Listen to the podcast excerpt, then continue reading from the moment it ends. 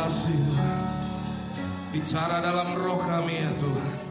Dan kami minta roh hikmat wahyu pengertian turun atas kami. Membuka mata dan telinga rohani kami.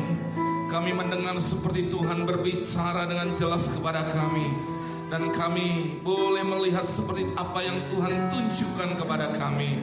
Dalam iman kami pun menangkap itu dan kami melakukan itu. Dalam anugerahmu kami dimampukan untuk melakukan setiap kebenaran.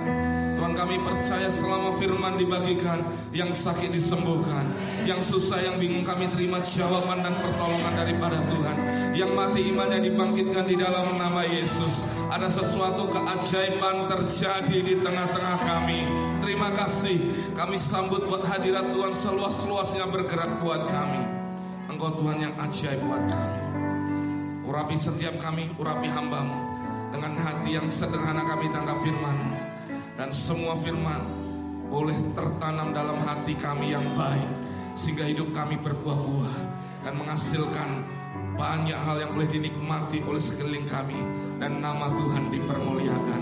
Demi nama Yesus kami berdoa dan siap terima firman-Mu. Mari yang percaya dengan iman sama-sama kita berkata Amin. Katakan haleluya. Shalom. Untuk capai gratis seni bukan hanya telinga, mata, mulut yang benar dulu. Itu bagian pertamanya.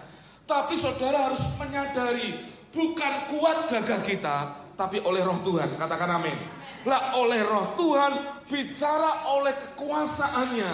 Makanya di dalam Yosua 14 ayat yang 10 sampai 11 yuk sama-sama baca 2 3. Jadi sekarang sesungguhnya Tuhan telah memelihara hidupku seperti yang dijanjikannya.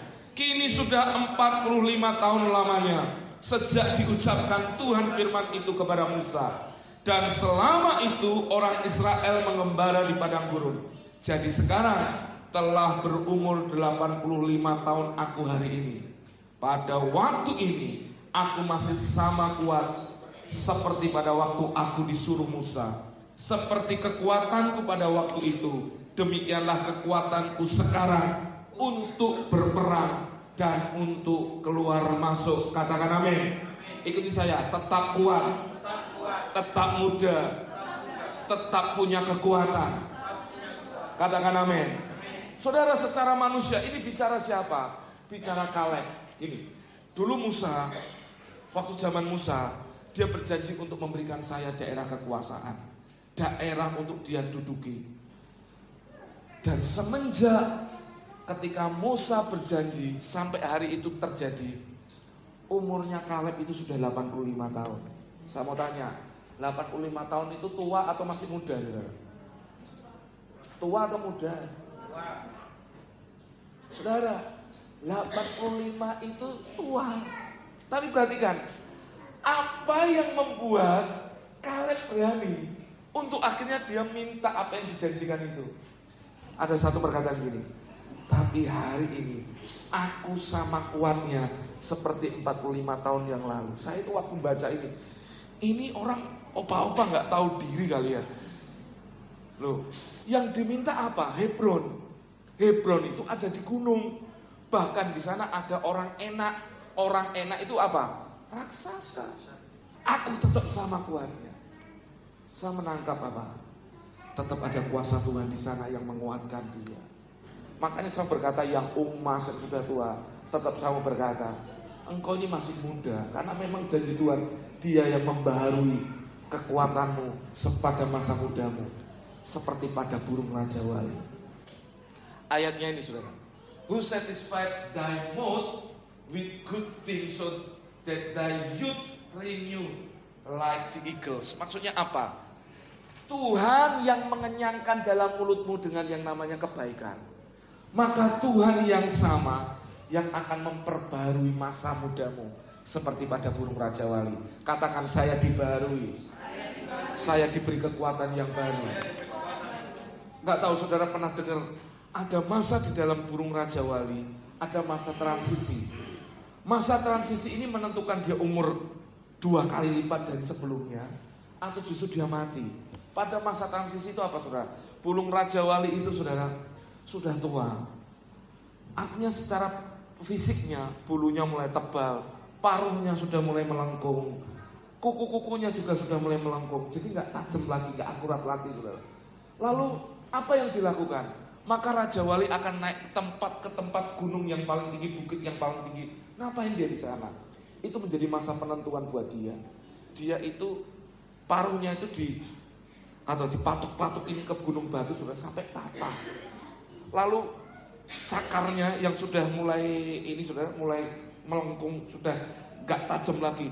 Ya sama, kayak digarukin ke gunung batu sampai patah semua. Lalu dia cabutin bulu itu. Nah saudara, masa itu jadi masa nggak enak buat burung Raja Wali. Kenapa? Karena dia hanya punya bagian dia diem memandang kepada matahari untuk supaya pertumbuhannya, supaya bulu yang baru cepat keluar. Itu dicabutin. Saudara punya kuku, cabut loh saudara. Saya yakin saudara akan kesakitan. Saudara, ini Raja Wali nyabutin semua. Masa itu menjadi masa transisi. Tapi ketika dia lewatin masa itu, ada sesuatu yang dibaharui. Kekuatan Raja Wali umurnya dua kali lipat dari sebelumnya. Raja Wali itu sampai isa umur 80 tahun. Tapi masa umur usia 25-30 tahun itu masa transisi dia sama. Saudara ingin mengalami great discerning, butuh yang namanya endurance, ketahanan. Ikut saya, ketahanan. Kita ini bukan pelari cepat, saudara. Kalau sprinter itu kan lari set selesai. Tapi kita itu lari jarak panjang. Maraton. Tujuannya apa? Karena Tuhan ingin mau kita finish strong. Katakan amin. Waktu saudara finish strong, finishing well, maka saudara butuh yang namanya ketahanan. Nah, bagaimana itu bisa terjadi? Bagaimana great destiny itu bisa terjadi? Butuh hikmah Tuhan. Nah, hikmahnya apa? Minta yang namanya biarkan kekuatanku dibaharui di dalam Tuhan. Katakan amin. Saudara mau dibaharui, maka waktu sudah dibaharui, saudara akan mengalami, aku akan terus sehat dan umur panjang. Katakan amin. Maka yang saya deklarasikan setiap pagi. Saya dengan anak-anak keluarga dan seluruh jemaat setiap pagi waktu berdoa kami ngangkat tangan dan berkata apa pun yang terjadi mau ada masalah ada pergumulan saya berkata Tuhan baik, Tuhan yang memberkati aku berlimpah-limpah. Saya saya akan selalu sehat dan umur panjang.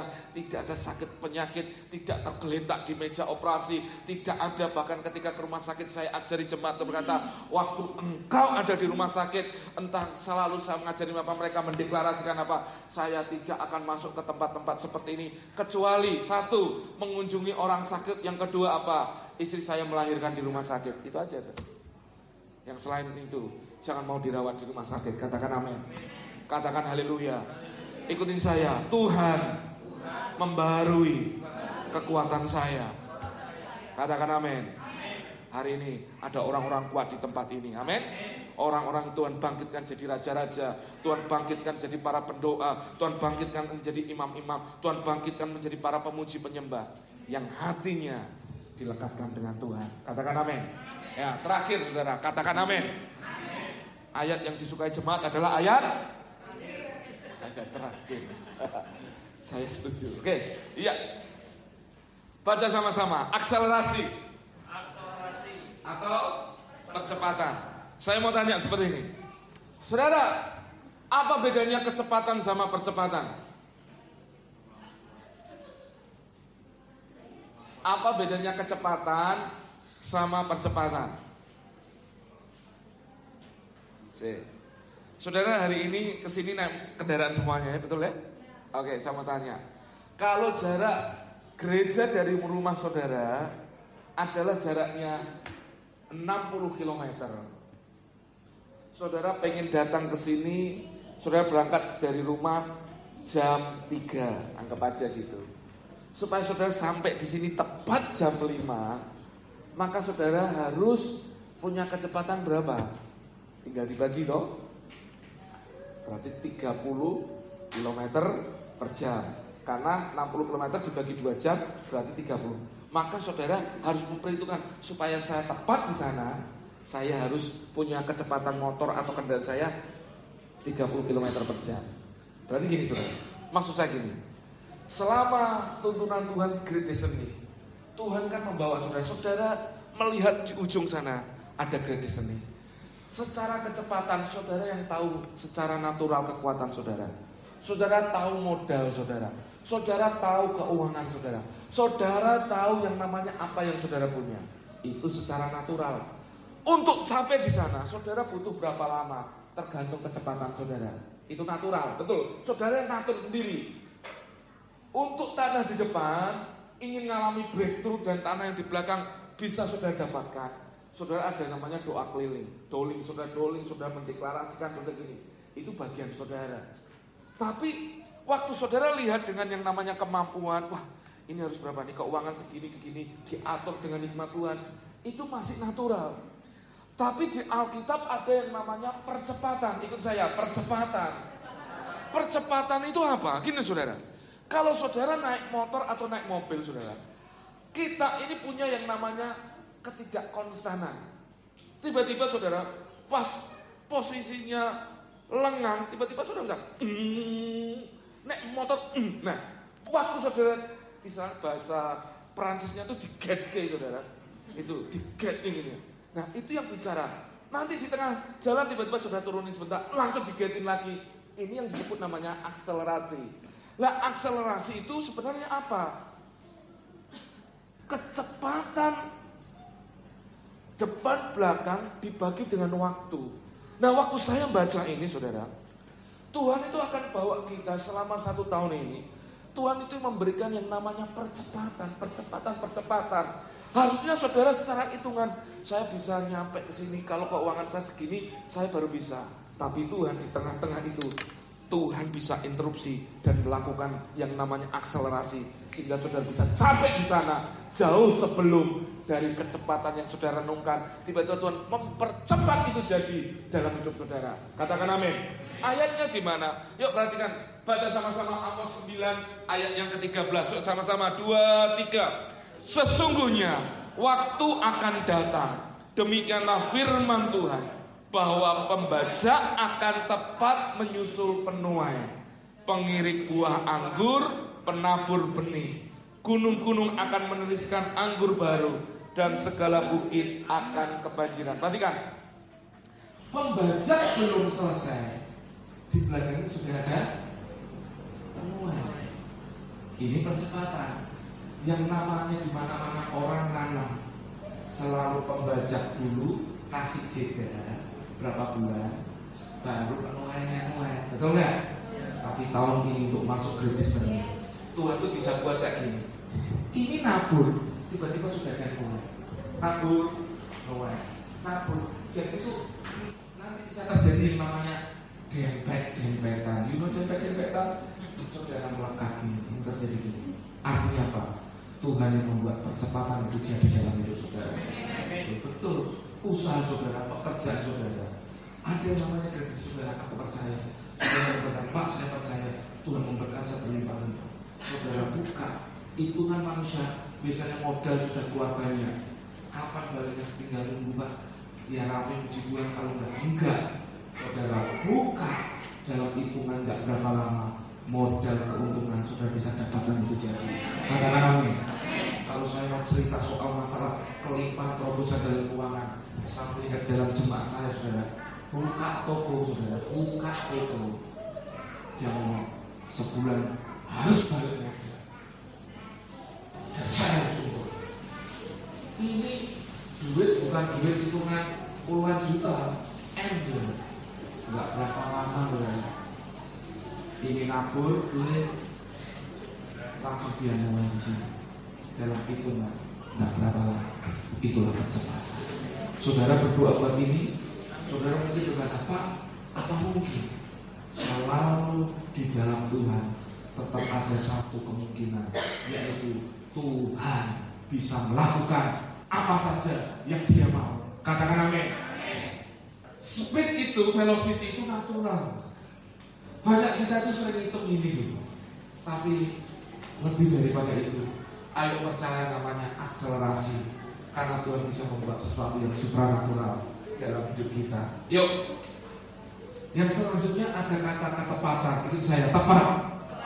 Ada pepatah Jawa ngomong kayak gini. Alon-alon asal biar lambat asal selamat benar. Kelihatannya kalau dari wajah bapak ibu saudara, saudara itu pengennya cepat-cepat.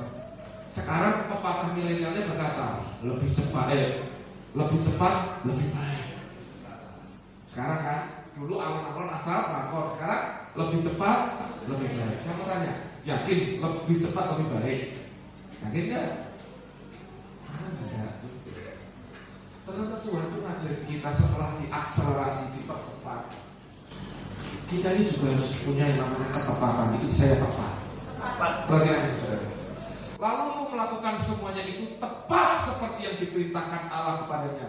Demikianlah dilakukan. Amin. Tuhan itu kan memberikan sesuatu pasti presisi, tepat. Gak pernah Tuhan itu masih kira-kira, tapi tepat. Tuhan berkata saudara tepat kepada siapa umatnya. Walaupun saudara tinggal, maksudnya di gang lebar atau gang sempit, tetap Tuhan tahu siapa anaknya. Nggak maksudnya? Tepat. Dan yang kedua, tepat seperti yang diperintahkan Tuhan bicara tentang pembangunan yang namanya bait suci. Musa diperintahkan Tuhan kepada Musa demikianlah dilakukan orang Israel segala pekerjaan untuk melengkapi itu. Ternyata bukan masalah dipercepat Tuhan itu kadang akselerasi bisa cepat tiba-tiba slow diam. Cepat lagi gerak tapi yang Tuhan lakukan kita mau bergerak itu tepat seperti yang mau. Kan ada lagu lekatkan hatiku melekat dengan hatiku tepatkan langkahku sesuai dengan firmanmu. Tepatkan